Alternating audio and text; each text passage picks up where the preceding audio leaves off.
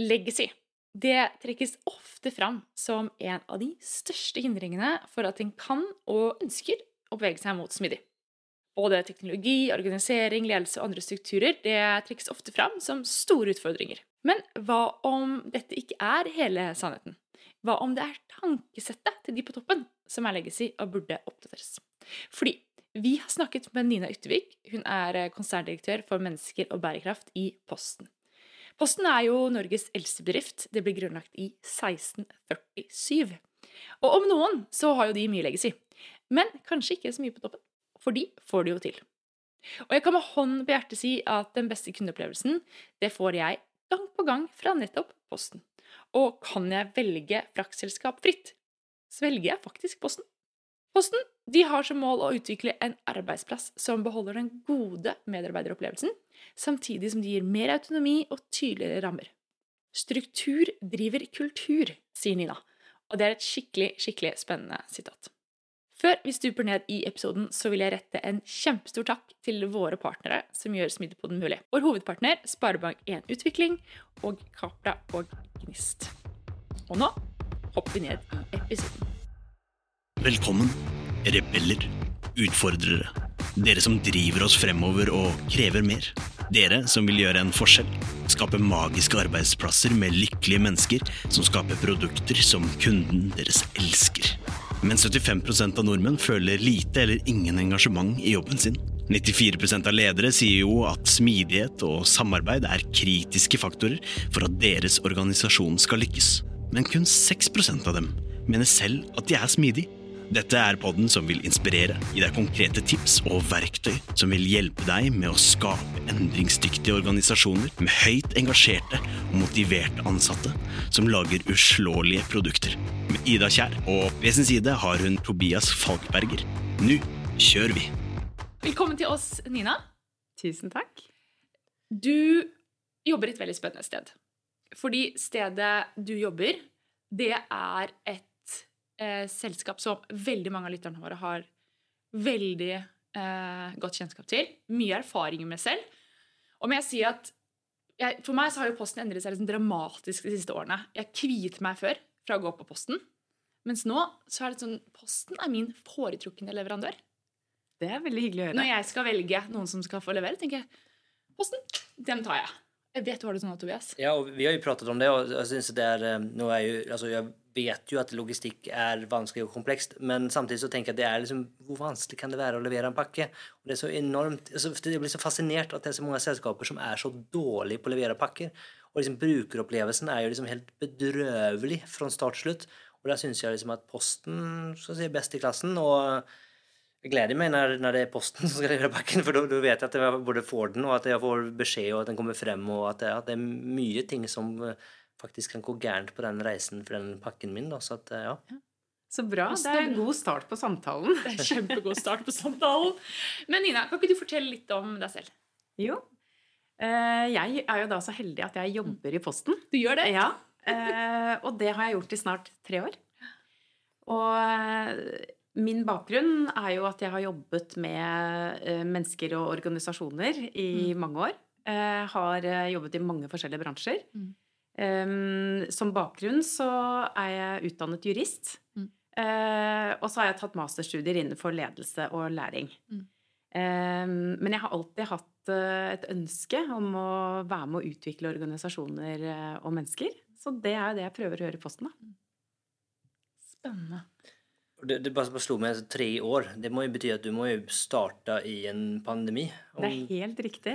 Jeg, jeg, startet fire dager før alle ble sendt hjem på hjemmekontor.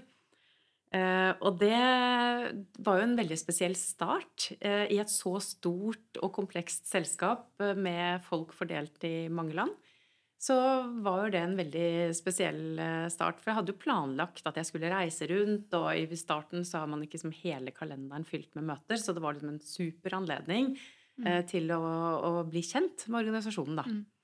Um, og på den tiden så hadde vi også startet et, eh, et, strategiprosjekt uh, hvor jeg skulle selvfølgelig da bidra på hva vi trengte å jobbe med på menneskesiden og organisasjonssiden. Og det er jo en litt krevende øvelse når man ikke har vært rundt og blitt kjent med alle.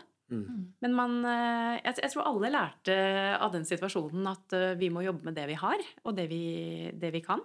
Mm. Og på et vis så syns jeg også det gikk veldig bra. Mm. Jeg følte meg likevel veldig inkludert og tatt imot, og selv om det ble mye Teams-møter i mm. starten. Men det kanskje du Eh, vi kommer inte in på det, men, men, du jobbar ju med ändring og och här blev det ju ändring från vad sa du, dag, dag fire. Mm. Eh, så, så, det är klart, det kanske nästan på, på en måte kan vara positivt så At liksom det, det, man måtte endre seg, man måtte tenke nytt. Mm. Det, var liksom, det lå liksom litt i kortene nå at det, kanske sånn sett kunne vært en positiv ting inni der, da. Ja, og så, og så var det jo sånn at uh, jeg leder jo et team som er veldig kompetente, og som kan posten ut og inn, eh, og som eh, hadde veldig god og lang fartstid eh, i forhold til meg. Sånn at sånne ting gjør man jo heller aldri alene.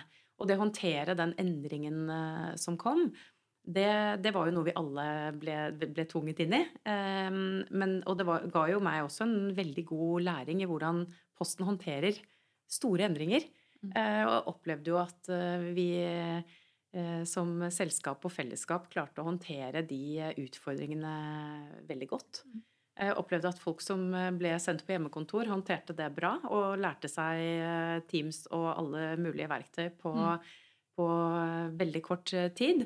Og så var det selvfølgelig vårt fokus handlet jo også veldig mye om at alle de som dro på jobb hver dag mm. fordi de ikke har en kontorjobb, at de også skulle ha det bra og føle seg trygge i den situasjonen det ble jo vårt eh, liksom, fokus nummer én.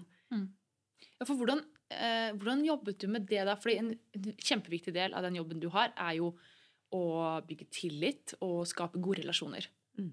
Men du har vært i jobben tre dager, alle blir sendt hjem.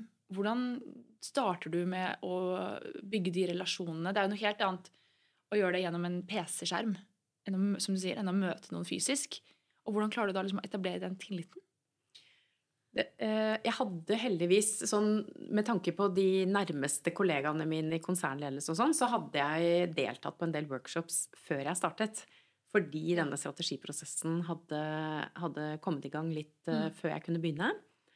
Så jeg hadde jo fått etablert liksom, en viss kjennskap til mm. de. Uh, og det er jo et viktig utgangspunkt for meg, selvfølgelig, for hva jeg skal prioritere. Det er jo hvordan forretningsområdene Eh, tenker å jobbe i framtiden, og hvilke ambisjoner de har.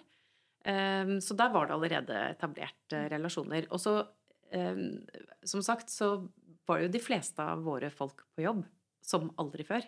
Mm. og vi hentet jo inn ekstra personell for å, ta unna også den veksten og økningen som kom gjennom, av pandemien. ikke sant? Mm. Ja. så jeg hadde jo anledning også til å reise ut noen steder mm. og treffe de som var på jobb hver dag. Mm. Og jeg husker veldig godt et møte som eh, jeg hadde ute på Logistikksenter Oslo, eh, hvor, eh, hvor eh, jeg møtte medarbeidere og ledere som sto i, eh, liksom pandemihåndtering eh, hver dag. Og jeg var liksom nervøs fordi at de skulle kanskje være litt sånn misunnelige på oss som satt på hjemmekontor. Det var veldig feil. De var, de var så glad for å få være på jobb hver dag. Mm og gjøre nytte for samfunnet. Eh, og stå i det. Mm.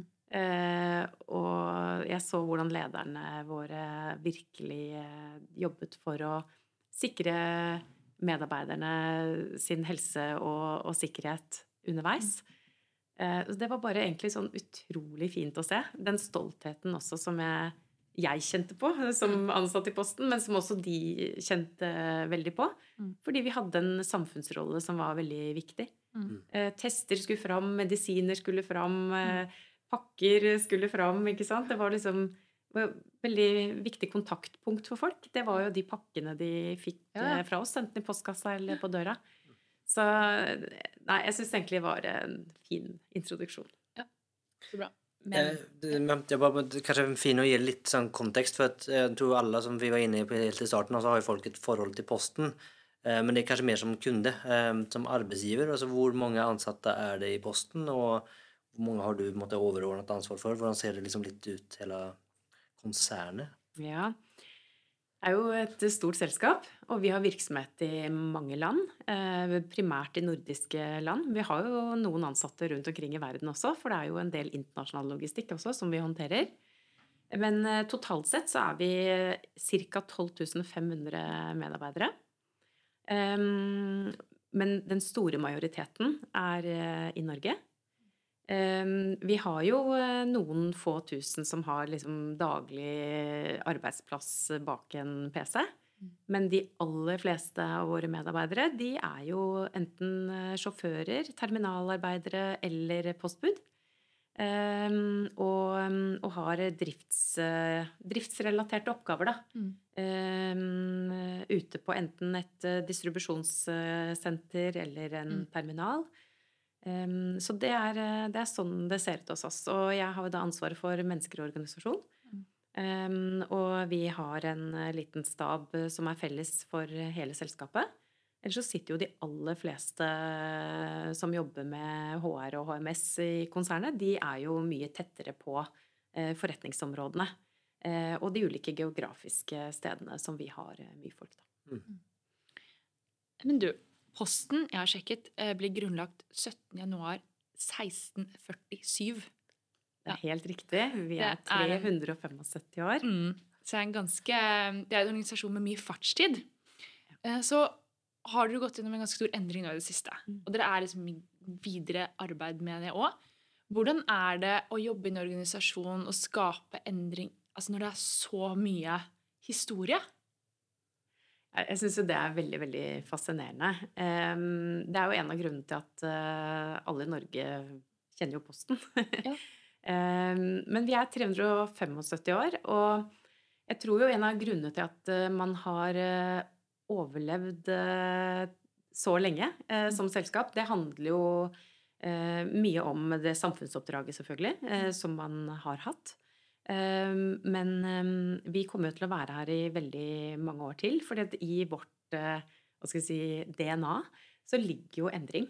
Eh, og Posten har alltid vært veldig tidlig ute med å ta i bruk ny teknologi. Liksom, vi var jo eh, første dampskipsreder. Vi var med å være med på den første togreisen mellom Oslo og Eidsvoll. Vi startet tidlig med med flytrafikk og, og sende post med fly. Eh, var med på å eh, ha den første elbilen i vanlig drift, eh, i, i liksom jobbdrift. Eh, først ute med, med, med nærbank. Nettbank. Egentlig sånn forløperen til nettbank. Ja. Eh, satte ut den første minibanken. Altså gjort veldig, veldig mange ting tidlig. Mm. Og lært av det. Og, og, liksom på en måte vært veldig nysgjerrige på hva teknologi kan gjøre. For at, eh, både for, eh, for kundeopplevelsen, men også for hvordan vi kan gjøre oppgavene enda mer effektive. Nå har jeg et spørsmål som er liksom helt off topic, eh, som du kanskje ikke kan svare på. Men når kommer jeg til å få en pakke levert med drone? Det vet vi jo ikke. Nei, eh, For det gleder jeg meg litt til. da. Men vi tester Eller jo det. egentlig ikke, fordi jeg syns det er skikkelig hyggelig når Posten For Tobias og vi bor på landet. Eh, og når vi skal få en pakke, så om vi ikke er hjemme, så får jeg en telefonsamtale. Sier 'Hei, det er Posten! Jeg er på døra di, ja. ja. Er du ikke hjemme?' 'Nei, det er jeg ikke.' 'Hvor skal jeg legge pakken din, da?' 'Du kan gi til naboen.'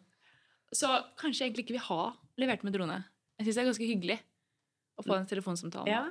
Altså, det, det, som vi er opptatt av, da, det er jo også å eh, I og med at vi er opptatt av å utnytte teknologi ja. på en smart måte, så er vi jo også opptatt av å forstå teknologien. Mm. Hvilke, hvilke, muligheter gir den? Hvilke eventuelle begrensninger uh, har, har, det i ulike uh, teknologiområdene?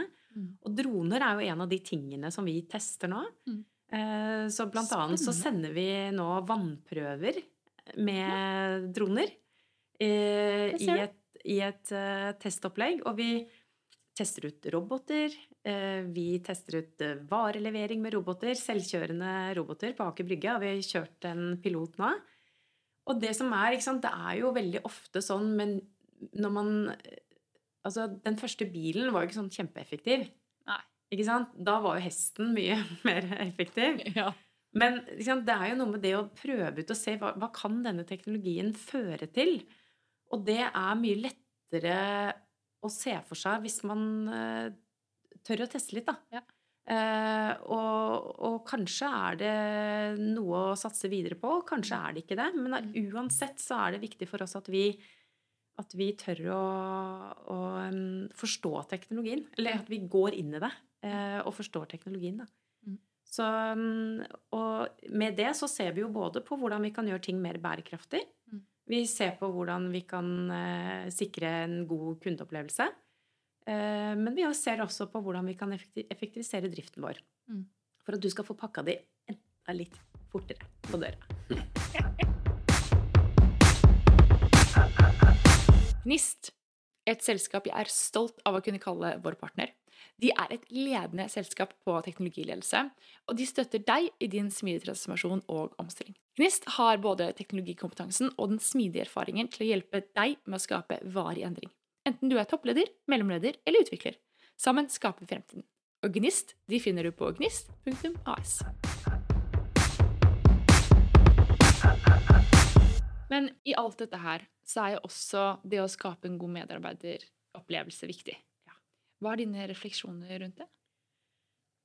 Jeg tror jo det å hele tiden stå i endring og, og det å mm, utvikle både spennende nye tjenester, men også videreutvikle de tjenestene vi har, det er det jo folk som gjør, da. Ikke sant? Vi, vi har veldig ambisiøse planer i Posten. Så vi, vår strategi, den er ganske, den er ganske bold. Altså vi har liksom eh, høye forventninger til hva vi skal få til. Og vi klarer jo ikke å få til egentlig noe som helst hvis ikke vi har med oss eh, de folka som vi har på laget. Eh, og selvfølgelig også andre som er i den totale verdikjeden hos oss, da. Mm. Eh, det kan jo også være partnere, det kan være leverandører osv. Så, videre. Så vi er jo nødt til å sikre at de som jobber hos oss, de både har riktig kompetanse eh, og riktig engasjement, da. For å gå løs på nye, vanskelige oppgaver.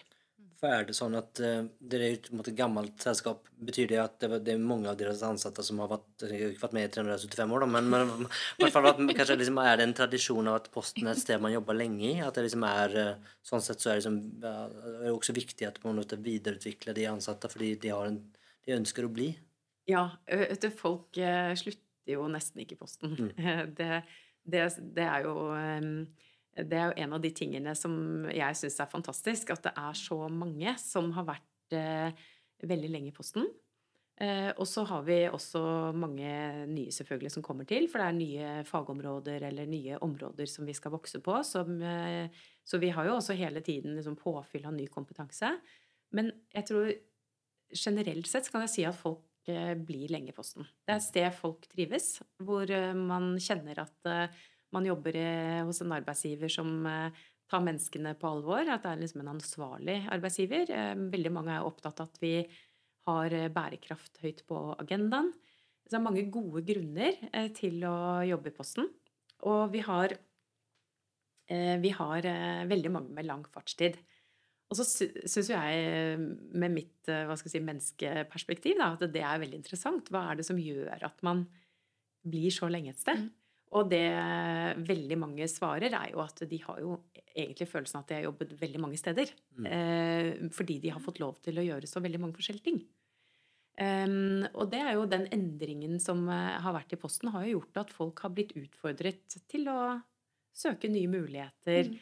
uh, lære seg nye ting. Mm. Um, og man har liksom hatt og gitt folk tid da, til å tilpasse seg nye oppgaver og, og nye områder.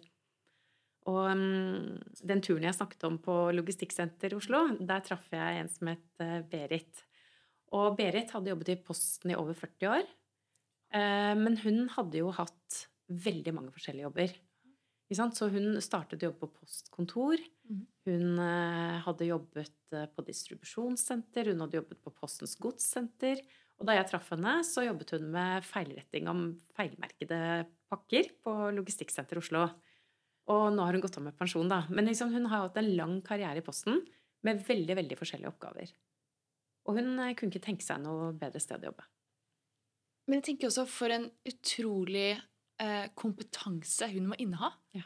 Og som, eh, si, i, mangel på et, altså, i mangel på et bedre ord, liksom postenkunnskap. Man kaller det for liksom, bransjekunnskap. Ja. Men liksom, å ha vært så mange forskjellige steder og ta med seg all den erfaringen inn i nye roller, og da kunne jobbe med kontinuerlig forbedring. Og på en måte kunne klare å se større enn bare seg selv, da. Det må jo være Det må jo faktisk være en ganske unik på en måte kraft som dere har i posten, da, i og med at dere har såpass høy intern mobilitet. da. Ja, det vil jeg si. Og så syns jeg også at vi får til det å kombinere den erfaringen da, som, sånn som Berit har, Mm. med helt ny kompetanse. Eh, med folk som har f.eks. høy teknologikompetanse, eller har jobbet som konsulenter og har liksom erfaring fra mange forskjellige bransjer som de tar med seg inn. Den kombinasjonen da, den skaper jo noen ganger i noen selskaper ganske mye friksjon. Men jeg opplever at det går veldig godt side om side i posten. Eh, og det, det tror jeg kanskje er liksom en av et, et av suksesskriteriene, faktisk. At man klarer å integrere ny kompetanse og nysgjerrighet på nye ting med den erfaringen og bransjekompetansen som veldig mange sitter på. Men det høres ut som at det har blitt en del av kulturen. da, At liksom man har en, både en forståelse og en ønske. For det er jo Jeg kan jo oppleve at mange ganger så mm, kanskje spesielt ledere tenker at det er liksom mer riktig og enklere å måtte, si, ta inn ny kompetanse, og at man folk flest kan ikke endre seg. Eh, Det er som det er, da. Så det er bedre å liksom De, de kan vel være der, så får vi finne noen nye, da. Ja. Men, men det høres ut som at det har liksom altså, vært en del av nesten jeg si, Liksom at, liksom at det er Vi har tro på at mennesker kan både endre seg og lære nye ting, og at vi liksom har dyrka det sånn at det liksom har blitt en del av kulturen. Ja, og så tenker jeg at det er jo en forpliktelse man har som en stor arbeidsgiver. Eh, som er opptatt av å være en, eh, en ansvarlig arbeidsgiver også. Eh, så er det jo en oppgave man må strekke seg etter. Det er jo et valg da, man Mm. tar. Å se hvilket eh, potensial det ligger i folk når man står i en sånn endring.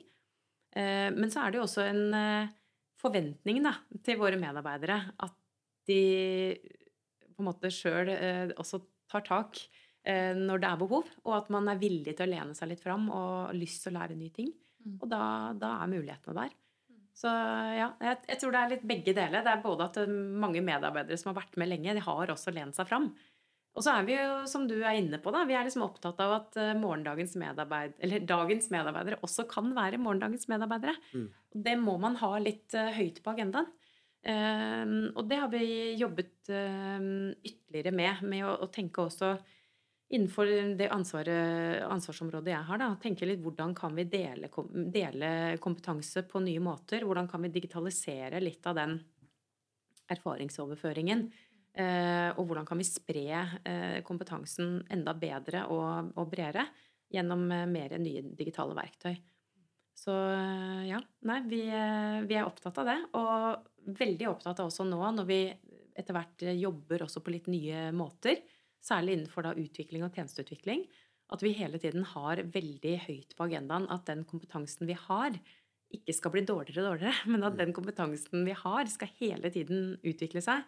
Og vi har jo utviklet et eh, eh, medarbeiderløfte som vi kaller alltid, eller som er alltid i utvikling.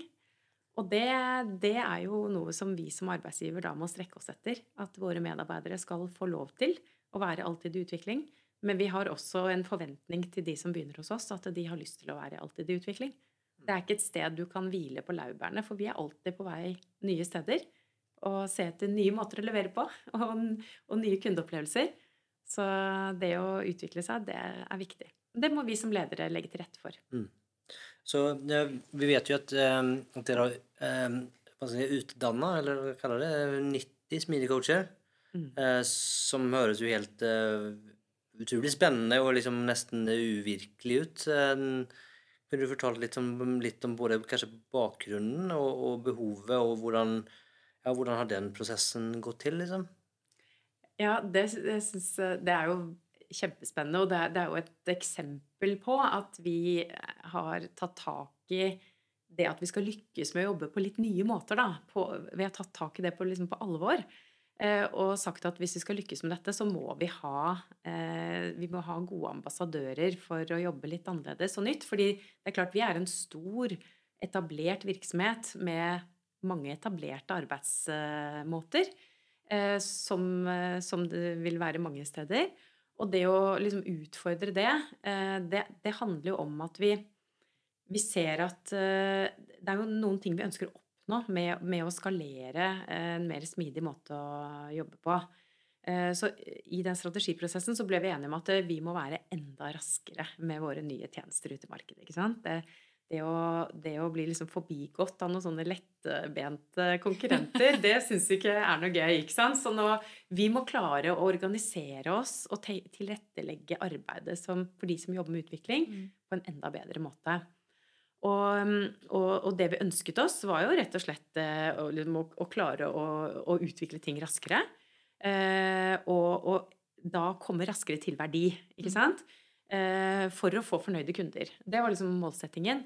Men en annen viktig målsetting i dette var jo å få enda mer engasjerte medarbeidere. ikke sant? Det der å, å fokusere på mening, mestring og medbestemmelse. Det ble veldig viktig i det arbeidet. Eh, og da snakker man jo om å bygge mer autonomi ikke sant, i mm. disse teamene. Sånn at eh, For å lykkes med det her, da, og, og, sikre at det skjer, så var et av tiltakene våre det var jo å utvikle folk med kompetanse i mer smidig arbeidsform. Og det var én del av en, av en, pakke av veldig mange ting. Eh, fordi det vi var opptatt av, var jo å ta et litt sånn helhetlig perspektiv. Hvordan får du til i en så stor organisasjon med så mange mennesker å jobbe mer smidig? Eh, og, og, og, et av svarene var på en måte det her å mm. utvikle flere som kunne være med å backe denne endringen. Eh, og som kan være ambassadører ute i organisasjonen i, eh, i liksom nye måter å tenke på. Eh, for å sikre at de teamene reelt sett får enda litt mer autonomi, enda litt mer spillerom i hvordan de skulle løse oppgaven. Mm. Hvordan de skulle skape verdi. Det var vi veldig opptatt av. Um, så ja, vi er veldig stolte av at vi har utviklet så mange dyktige mennesker fra ulike deler av organisasjonen. Eh, dette, for hvordan går det her til? Altså, søker man at man har lyst til å bli med, og så får man etter man har vært gjennom programmet, så har man fått en ny stilling? Ja, altså, eh, Alle disse jobber ikke fulltid som agile coacher. Eh, det som er kriteriet for å få delta på denne, denne, dette utviklingsprogrammet, det er at du er interessert i å lære noe nytt, selvfølgelig. Mm. Og at du er ivrig på det at du eh, kan eh, ha egenskaper til å fasilitere diskusjoner eller, eh, eller fasilitere ulike prosesser i team, enten ditt eget team eller andre team, og at du har anledning til å bruke litt av tiden din utenfor ditt eget ansvarsområde. Sånn at vi sier at du må på en måte av lederen din til å også kunne gå inn i andre team enn ditt eget, og være med å fasilitere og bidra til deres arbeidsmetodikk. Så dette er jo folk som ikke har dette som fulltidsjobb, men som har denne kompetansen med seg inn i den jobben de har. Både inn i sitt eget team, men også da kan bidra utenfor det. Og det vi, det vi gjør, er jo at etter at de har vært igjennom dette programmet Det er, det er eh, en, en prosess som går over litt tid, hvor de er med på tre moduler. og og går gjennom eh, utvikling da innenfor både arbeids, eh, arbeidsmetodikk og verktøy, men også den, den, det som vi er veldig opptatt av, nemlig å gå fra å ha levert noe til å skape verdi. Mm. Ikke sant? Hele den, det mindset-skiftet, da. Eh, som, eh, som, vi er opptatt av å, å styrke organisasjonen. Hva, hva, krever det? Jo, det krever jo at de teamene som jobber med utvikling, er veldig delaktig. Den involverende biten eh, i det, som handler om den medbestemmelsen som et team må ha i forhold til hvordan de løser oppgavene sine. Um, og, og, vi ser på vi ser, vi ser, at dette er nyttig, da. Ikke bare på de som sitter og jobber med innovasjonsprosjekter, eller bare de som jobber med tjenesteutvikling, men at dette også får eh, at det blir ringer i vannet når mm. folk fra HR er med på det, når folk fra økonomi er med på det, fra strategi, mm. fra driftsorganisasjonen eh, vår. så skaper dette også en kulturell endring som vi har veldig tro på. Fordi det skaper eh, samtaler på tvers. Det skaper eh, eh, skal jeg si, nysgjerrighet Mm. eh, på hvordan man kan eh, eh, bidra i andre deler av organisasjonen. Eh, og hvordan dette hele henger sammen. Um, så det er, det er veldig spennende. Og så er det samtidig det å utvikle disse agile korsene. Det er på en måte en del av en, en pakke. Eh, fordi vi har gått litt sånn helhetlig til verks. Hvordan tar vi beslutninger Mm. i posten? Hvordan prioriterer vi egentlig hva som er viktigst å utvikle? Hvordan prioriterer vi folka og ressursene våre? Hvordan har vi organisert de for å, å, å skape den autonomien som vi tror trengs for å, for å både skape mening og engasjement? Eh, hvordan utvikler lederne våre for å kunne støtte dette arbeidet?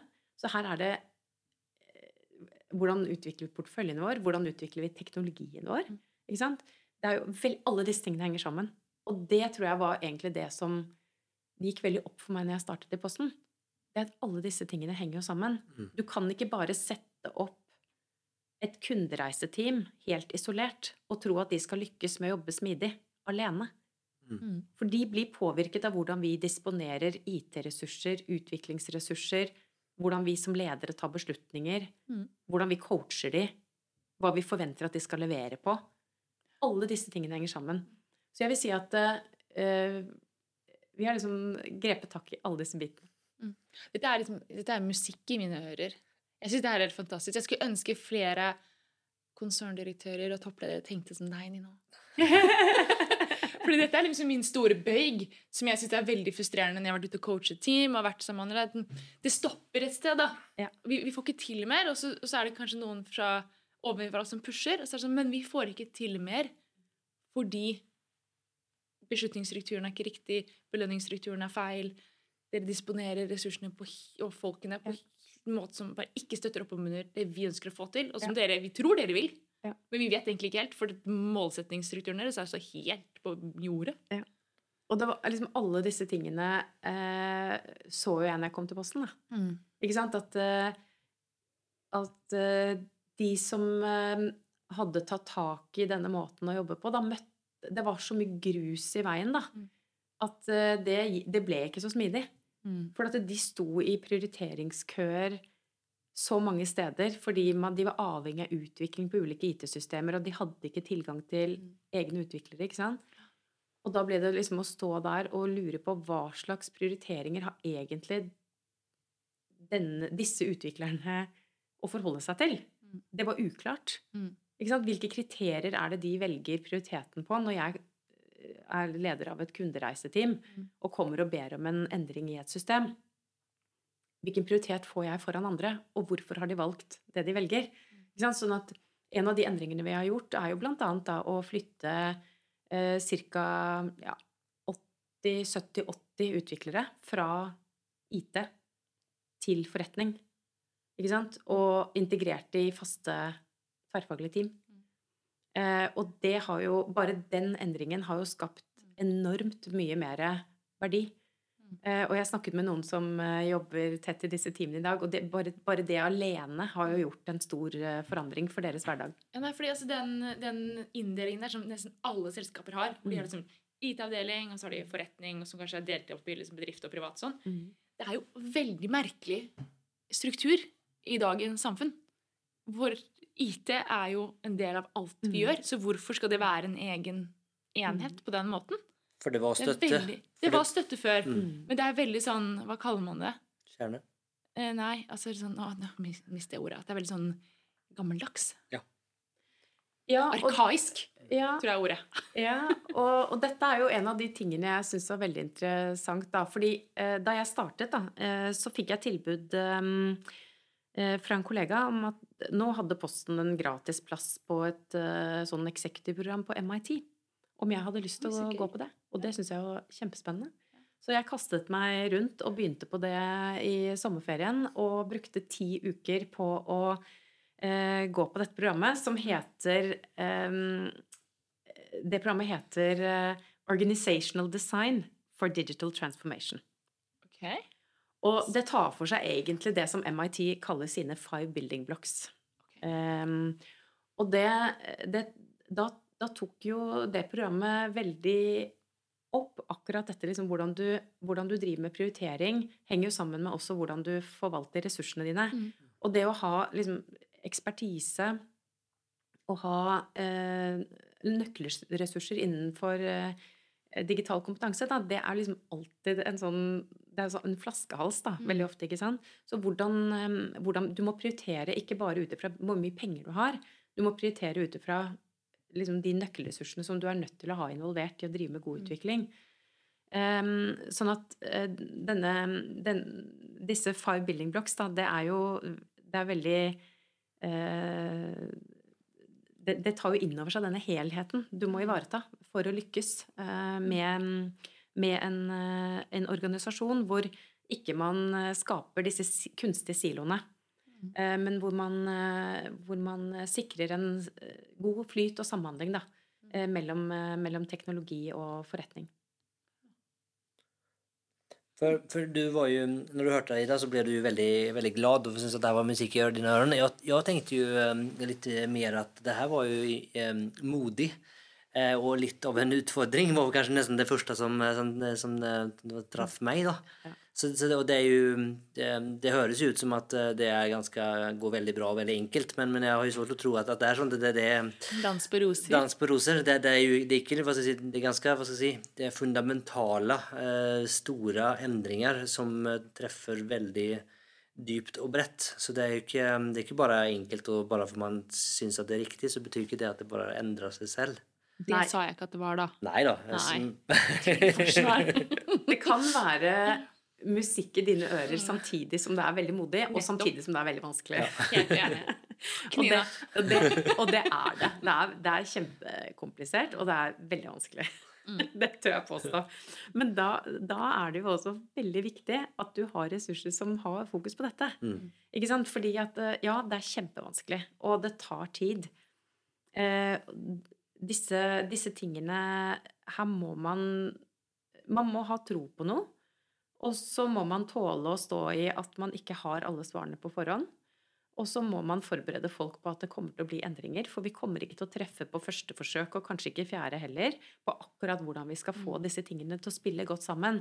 Så det er liksom Det er, det er en eh, tilnærming man må orke å stå i, da.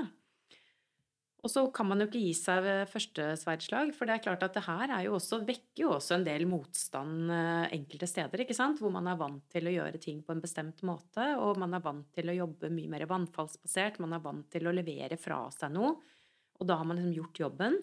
Og det å plutselig nå integrere alle disse ulike funksjonene i tverrfaglige team som jobber med liksom chunks of work, da, ikke sant? og som har liksom større initiativ, og som selv skal disponere ressursene sine smart i forhold til hva som skaper mest verdi raskest, og som, som de har muligheten og evne til å, å jobbe med. Det er klart at det, det er ganske mye som er nytt. Mm. Og, eh, og vi gjør jo ikke vi, vi har ikke denne arbeidsformen på absolutt alt vi gjør heller.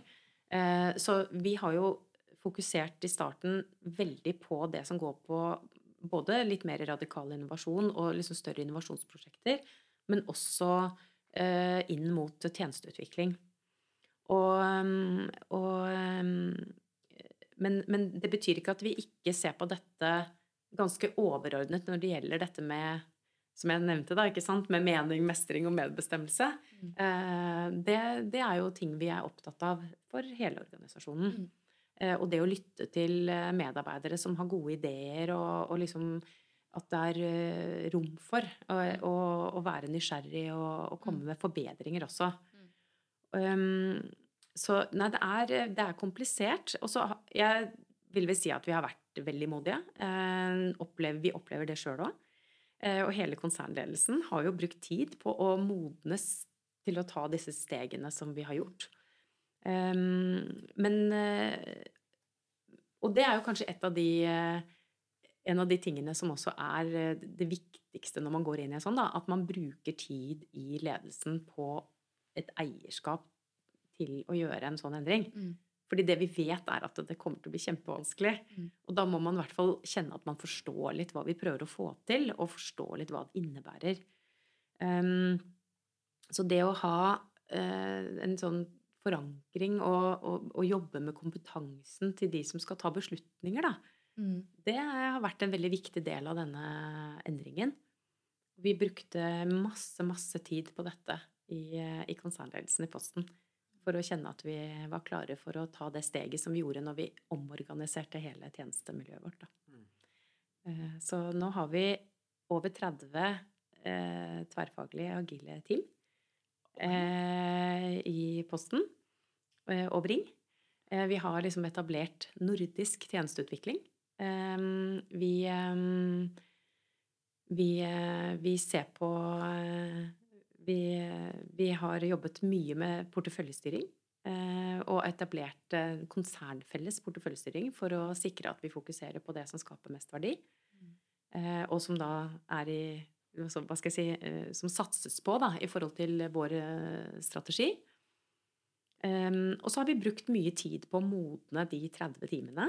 Um, blant annet så i tillegg til å starte med agil coach-utdanning, da, så uh, brukte vi også Tok vi alle de 30 agil-timene, rundt 300 medarbeidere, tok vi ut en hel uke hvor de fikk lov å øve på å jobbe på en ny måte. Det er ganske utrolig. For det er faktisk en ganske stor eh, beslutning å ta, og en ganske stor investering. Ja, veldig, Virkelig. Ja. Og det tror jeg veldig få organisasjoner kanskje tenker på. At det å starte å jobbe på en helt ny måte, det Å sette sammen team på en ny måte, og få de til å liksom kjøre seg sammen og, og bli kjent og, og liksom bli ordentlig integrert. Mm. Skape gjennom gode øvelser og tid også den psykologiske tryggheten mm. som skal til for at du tør å bruke kompetansen din fullt ut.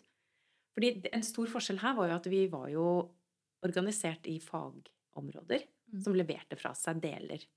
Ikke sant? Og nå skulle man på en måte samle folk sammen som skulle levere noe sammen. Og det betyr at du, liksom, du mangler jo litt den hverdagslige tryggheten i at du er i et fagteam. Mm. Ikke sant? Mm. Men du får jo noe annet. Nemlig du får mm. veldig forståelse for helheten i det du jobber med. Og du får liksom input fra alle de andre kompetanseområdene som er representert i det tverrfaglige teamet, på en ny måte. Mm.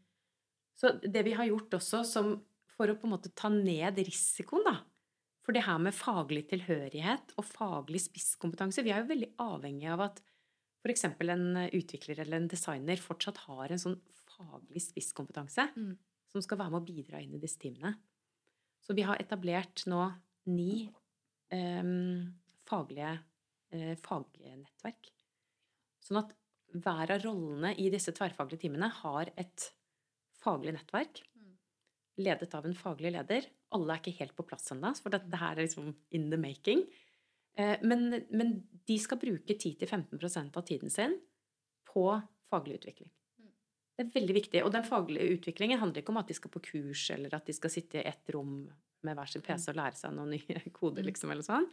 Men det handler om at de må ha tid til å sparre faglig, løse problemer sammen, for å hele tiden også sikre at vi jobber litt på samme måte. Mm. For ellers så kan dette utvikle seg i alle mulige retninger. Pluss at det skaper en tilhørighet, da.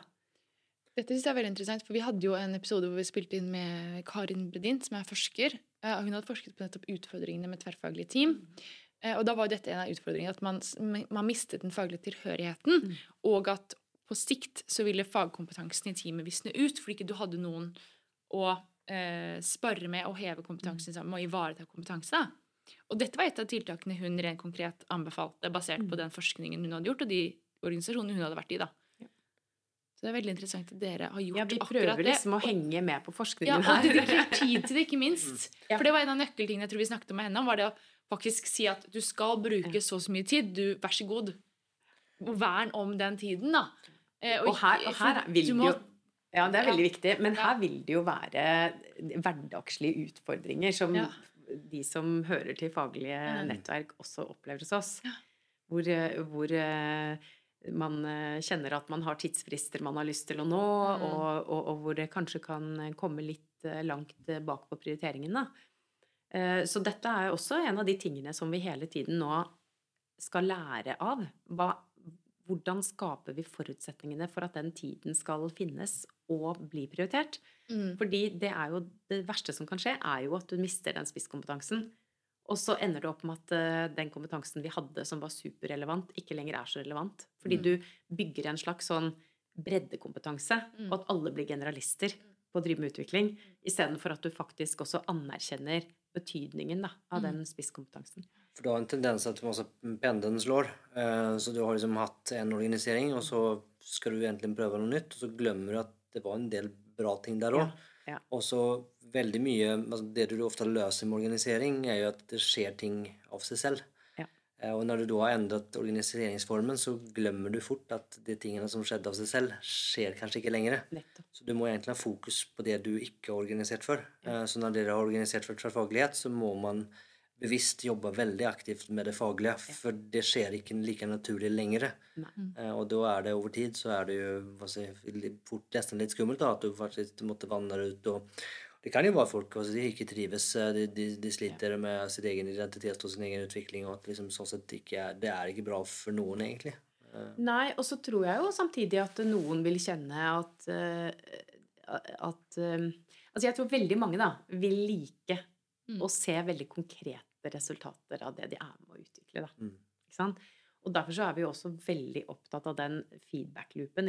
At det de er med å utvikle, faktisk fører til en atferd som igjen skaper verdi og resultater. ikke sant? Mm. Veldig mange syns jo det er gøy. ikke sant? Nå gjorde vi dette, og så Mm. skjedde dette. Mm. Eh, og det skaper eh, verdier.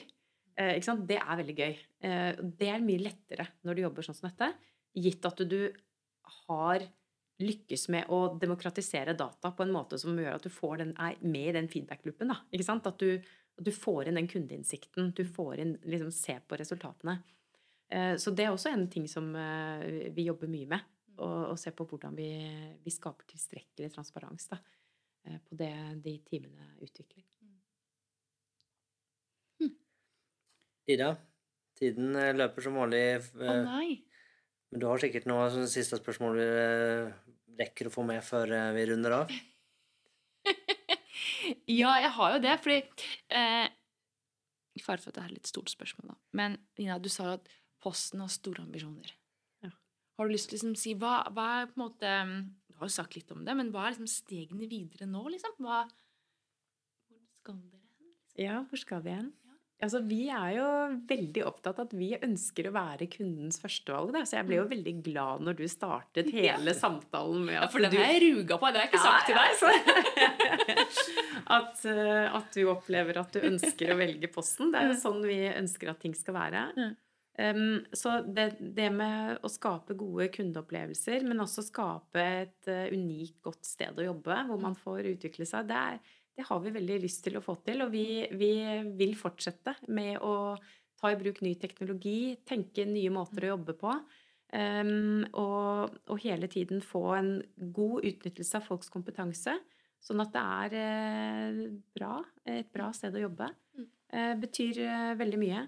Så jeg tror eh, det, det å være ledende på, på teknologi og innovasjon, det å, det å være, skape ordentlig bærekraftig, altså Mm.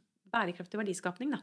Eh, Det er viktig for Posten, og det er viktig for alle som jobber i Posten. Mm. Så vi har, eh, vi har store ambisjoner, og det handler jo mye om å, å, å skape gode kundeopplevelser. Mm. Eh, Sånn at vi igjen kan være med å bidra til samfunnet og fellesskapet Mm.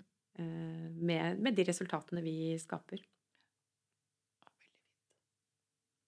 Skal vi ta de fem siste, da? Da gjør vi det. Vil du ta første? Det kan jeg gjøre. Hva ville du fortalt 20 år gamle deg selv? Ja, jeg syns jeg, jeg tenkte litt på det, fordi det er jo mange ting man har lært gjennom eh, et eh, langt liv og lederliv. Og sånn, sånn i livet generelt så tenker jeg jo at eh, man prøver ikke ta ting altfor alvorlig. Eh, det, det tenker jeg kanskje er et eh, noe jeg gjerne kunne, kunne blitt fortalt. Og så tenker jeg også at eh, man, jeg brukte ganske mye tid på å finne ut av hva jeg skulle utdanne meg til. Og så er jeg jurist, og så sitter jeg her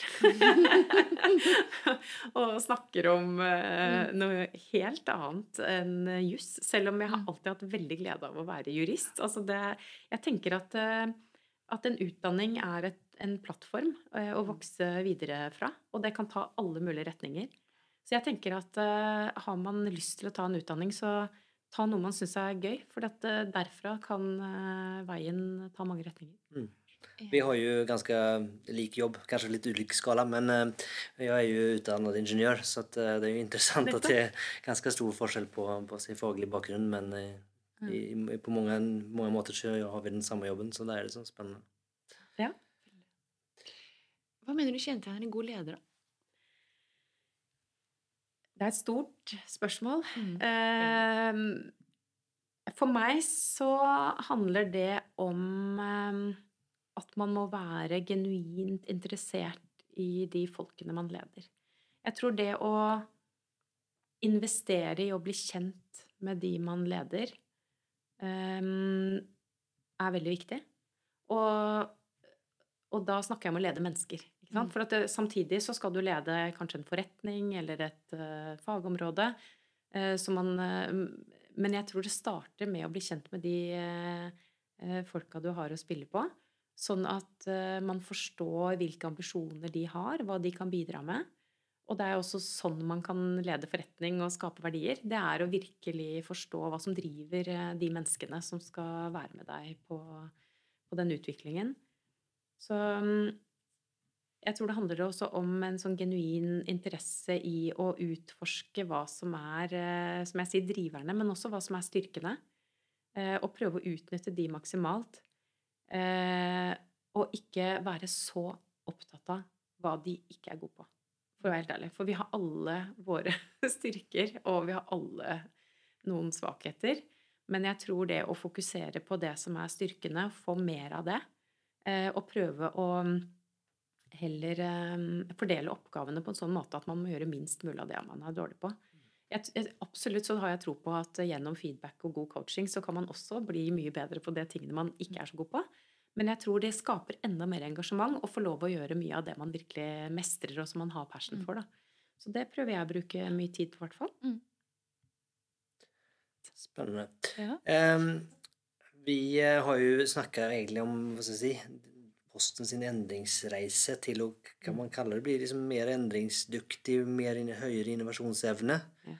Og det tror jeg vel kanskje få er få som eh, ikke har lyst på det. Mm. Eh, håper jeg og tror, i hvert fall. Eh, så om du skal liksom, Vi har snakket egentlig om hele episoden, men kunne du liksom prøve å ta ut noen liksom, essensen her? Hva er det som tips for om man liksom vil komme litt i gang med den reisen? da? Ja, eh, jeg har egentlig noen veldig tydelige tips eh, på det. For det, det er egentlig de tipsene vi fikk når vi starta eh, vår, vår utvikling på det her. Og det ene er jo at man må investere i kompetanse hos toppledelsen. Fordi det er på mange måter veldig mye som kan skje eh, ulike steder i organisasjonen.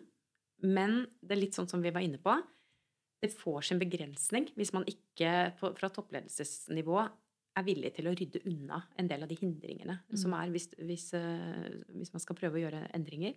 Så jeg tror at ledelsens overbevisning, og engasjement og atferd og tankesett det er avgjørende for suksess. Så det er ett råd. Invester i eh, kompetansen. Og så er det det å koble agil arbeidsform til verdiskapning. Fordi agil arbeidsform, det er ikke et mål. Det er et eh, eh, Det er et verktøy mm. for å nå et mål. Sånn at man må ikke la metoden overskygge Eh, det man egentlig er opptatt av, og det er å skape verdier. Enda mer, eh, bedre skapning av verdier. Mm. Og, og, ha fokus på hva man skal oppnå. Mm. Og så, så, man må koble det til verdiskapning. Mm. Og det eh, tredje tipset, det er at man må tenke helhetlig. Fordi å skape verdi krever at organisasjonen går litt sånn utover endringer i bokser og linjer, mm. men at det handler om strategi, prosesser, mennesker, våre prosedyrer. Det handler om teknologi. Det handler om data. Det handler om veldig mange ting. Så jeg tror man må liksom angripe dette litt helhetlig. Mm. Og så må man ikke liksom lykkes med alt på en gang, men man må se helheten når man starter. Mm. Fjerde lagpiloter, eller teste. Fordi ehm, jeg tror det å lære underveis, oppleve liksom arbeidsformen i praksis, det er viktig, og så må vi justere underveis. Så prøve å liksom gjøre, ikke bare planlegge, men bare begynn.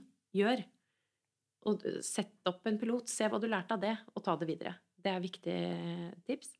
Og så den siste er jo det vi har snakka litt om, det er å investere i kapabiliteter for å lykkes. Og det er, det er nye roller. Man trenger agile coacher. Eh, det vil være helt avgjørende, tror jeg, for å lykkes eh, med å endre arbeidsform. Og det er litt sånn Jeg tror veldig mange syns liksom, ja, skal du ha masse agile coacher, liksom. Men tenk deg alle de som har jobbet med lean i Norge. Mm. Ikke sant? Hadde ikke klart det uten lean-navigatører eller liksom en, et lean-team. eller Liksom, I store organisasjoner så har man trengt de ressursene. Mm. Og på akkurat samme måte så er det når man skal gjennom en sånn smidig Mm. eh, transformasjon, det er jo at man trenger de som kan være med og backe hele tiden. Mm. Og guide de som er eh, Mm.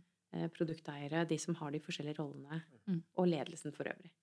For jeg pleier å si at vi, vi gjør jo ikke det her for det er lett, vi gjør for vi har tro på at det er riktig. Ja. Mm. Og det er indirekte så sier man at det, egentlig- det, det er jo veldig vanskelig det her. Eh, Så hvis du liksom ikke Og, og du, det kommer å gjøre vondt, og det kommer å møte motstand. Mm. Du må liksom tåle å stå i det altså, som organisasjon òg, da. Og da er det liksom fint å ha noen som kan, kan hjelpe organisasjonen å stå i det, da. Jeg må jo si at med Ninas fem tips, så er du godt rusta, da. Du er det. Jeg, jeg, jeg tror det, altså. Jeg syns det var veldig fine tips. Ok. Har du noen bøker eller lydbøker eller noe sånt som du har lyst til å anbefale?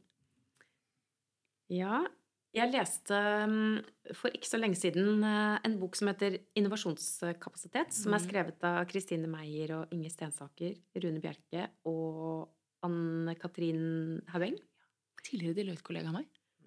Nettopp. Mhm. Og jeg syns de har eh, fanget eh, essensen veldig godt av at det handler om en helhetlig tilnærming. Og de eh, deler også veldig mange gode eksempler i boka på ulike selskaper som har hatt litt forskjellig tilnærming, eh, men som har lært ulike ting. Så det, vil jeg anbefale å lese den boka. Og så var jeg på mm, boklansering i dag. En ny bok eh, som er skrevet av Tor Wallin Andreassen. og Jeg har begynt på den. For jeg sitter i styret i DIGG, som er Digital Innovation for Growth, som er på Norges handelshøyskole. Og han er en av professorene der. Og han har skrevet en bok som heter Moderne verdiskapning. Um, og det er også en veldig spennende bok, syns jeg. Der er det også litt å hente på å forstå hva som skaper uh, de kundeopplevelsene. At man må evne å uh, levere på kvalitet uh, og tjenester med høy kvalitet. Men man må også vise kundene sine at man evner å fornye seg. Eh, Og at det er det som er liksom summen og skaper en attraktivitet i markedet. Mm. Så den eh, vil jeg anbefale. Og så hvis jeg skal anbefale én ting til, de som har lyst til å gå løs på dette, og som ikke har teknologibakgrunn, sånn som jeg, da, har jo ikke en teknologibakgrunn, men er nysgjerrig og interessert, så vil jeg faktisk anbefale det, det programmet som jeg gikk på på MIT, som heter Organizational Design for Digital Transformation. Som er et sånn self-paced executive-program som går over ti uker. Veldig intensivt, så man må ha litt tid. Men aldri lært så mye i hele mitt liv. Jeg syns det var helt fantastisk. Men self-paced, hva betyr det? At du er Du driver det selv, da? Ja, det er Du må levere oppgaver hver uke. Mm. Og du får tilbakemelding og karakterer og sånn. Mm. Eh, og det er eh, ting du må gjøre i løpet av en uke. Ja. Men du kan lese det når som helst på døgnet. Du må ikke se alle Ja, det er ikke noe forelesningene på et- nei. nei. Men du må ha progresjon. Ja. Eh, og du må levere disse oppgavene til gitte tider. Men du har liksom en uke på deg til hver assignment. Og da har du en uke på deg til å se alle videoene, gjøre alle oppgavene, være aktiv i collaboration med de andre deltakerne. Kjempespennende. Så fornuftig. Så før vi begynte å spille inn, så hadde du eh, et lite tips på eh, hvordan eh, man kan få lest litt i en hektisk hverdag. For de aller fleste har jo en hektisk hverdag, og det, det tenker jeg i alle fall at det er jo si, Det er så mange bra bøker de sitter og anbefaler og blir anbefalt, men eh, Jeg kan vel være ærlig og si at det er ikke sånn at jeg får lest alle de, dessverre. Even om jeg hadde ønsket det var sånn. Og syns at du hadde så fint tips der. Du lyst til å dele det? Jeg må nesten det nå. Ja. Ja, ehm, jeg er litt- redd for å dele eh, sånne tips eh, i frykt for at eh, den rutinen jeg har etablert, kanskje endrer seg over tid. Men jeg deler gjerne den rutinen jeg har nå, som jeg har klart å holde ved like nå et par måneder. Og det er at jeg starter dagen med, med fem tibetanske riter. Det er fem yogaøvelser som jeg starter med. Og så setter jeg meg ned, leser og drikker en halv liter vann. Det er en kjempefin start på dagen. Og da, akkurat nå da, så leser jeg da moderne verdiskapning eh, litt hver morgen. Mm. Eh, før jeg eh, går i dusjen og starter dagen. Det er litt sånn fin, eh, rolig eh, tid. Så det handler om å stå opp 20 minutter tidligere om morgenen og få litt, eh, litt eh, tid til å tenke. Det ser kjempefint ut. ja, og det fantastiske er at altså, even bare noen få sider, når man gjør det hver dag, så blir det fort en bok. Ja, det var akkurat det. det. Det er bare en liten Ja, alle måneder drar, som man sier. Ja, det er sant. Sånn avslutningsvis, hvis man uh, syns at det her var spennende og kanskje vil eh, høre mer fra deg, eller om deg, eller med deg, så kan man komme i kontakt med deg. Kan man finne noe Kanskje kommer en bok? jeg vet ikke. Det er, eh, Ninas fem tips til smidig transformasjon. Jeg, tror nok de fem tipsene kanskje er allerede delt andre steder. Men, eh, men eh, ja, absolutt. eh, Man kan eh, kanskje aller enklest eh, nå meg via LinkedIn. Eh, Hvor man kan sende meg en eh, melding. Eh, Og jeg har jo også mange gode kollegaer i mitt team som jobber med dette. Så ansvaret for denne måten å jobbe på ligger jo i mitt team. Og um, vi har noen veldig veldig flinke folk som også kan dele av våre erfaringer. I tillegg til meg, selvfølgelig. Eh, så ja, bare ta kontakt. Vi syns det er spennende å dele med andre som eh, også har lyst til å lære på denne måten. Og med det så vil vi bare si tusen, tusen takk for at du ville komme. Det var veldig hyggelig å være her. Det har vært veldig veldig spennende og interessant. Ja, veldig. Og så er det bare å si takk til deg som har lyttet. Yes. Ha det bra. Ha det bra. Ha det. Jeg vil bare minne deg om Smidigpodden-fellesskapet. Kanskje har du lyst på eksklusiv tilgang til foredrag, kurs og masse masse mer. Eller kanskje du bare liker denne episoden spesielt godt. Eller kanskje du bare syns Smidigpodden er som lommen eller rosin i pølsa om du vil, og vil vise at du setter pris på oss.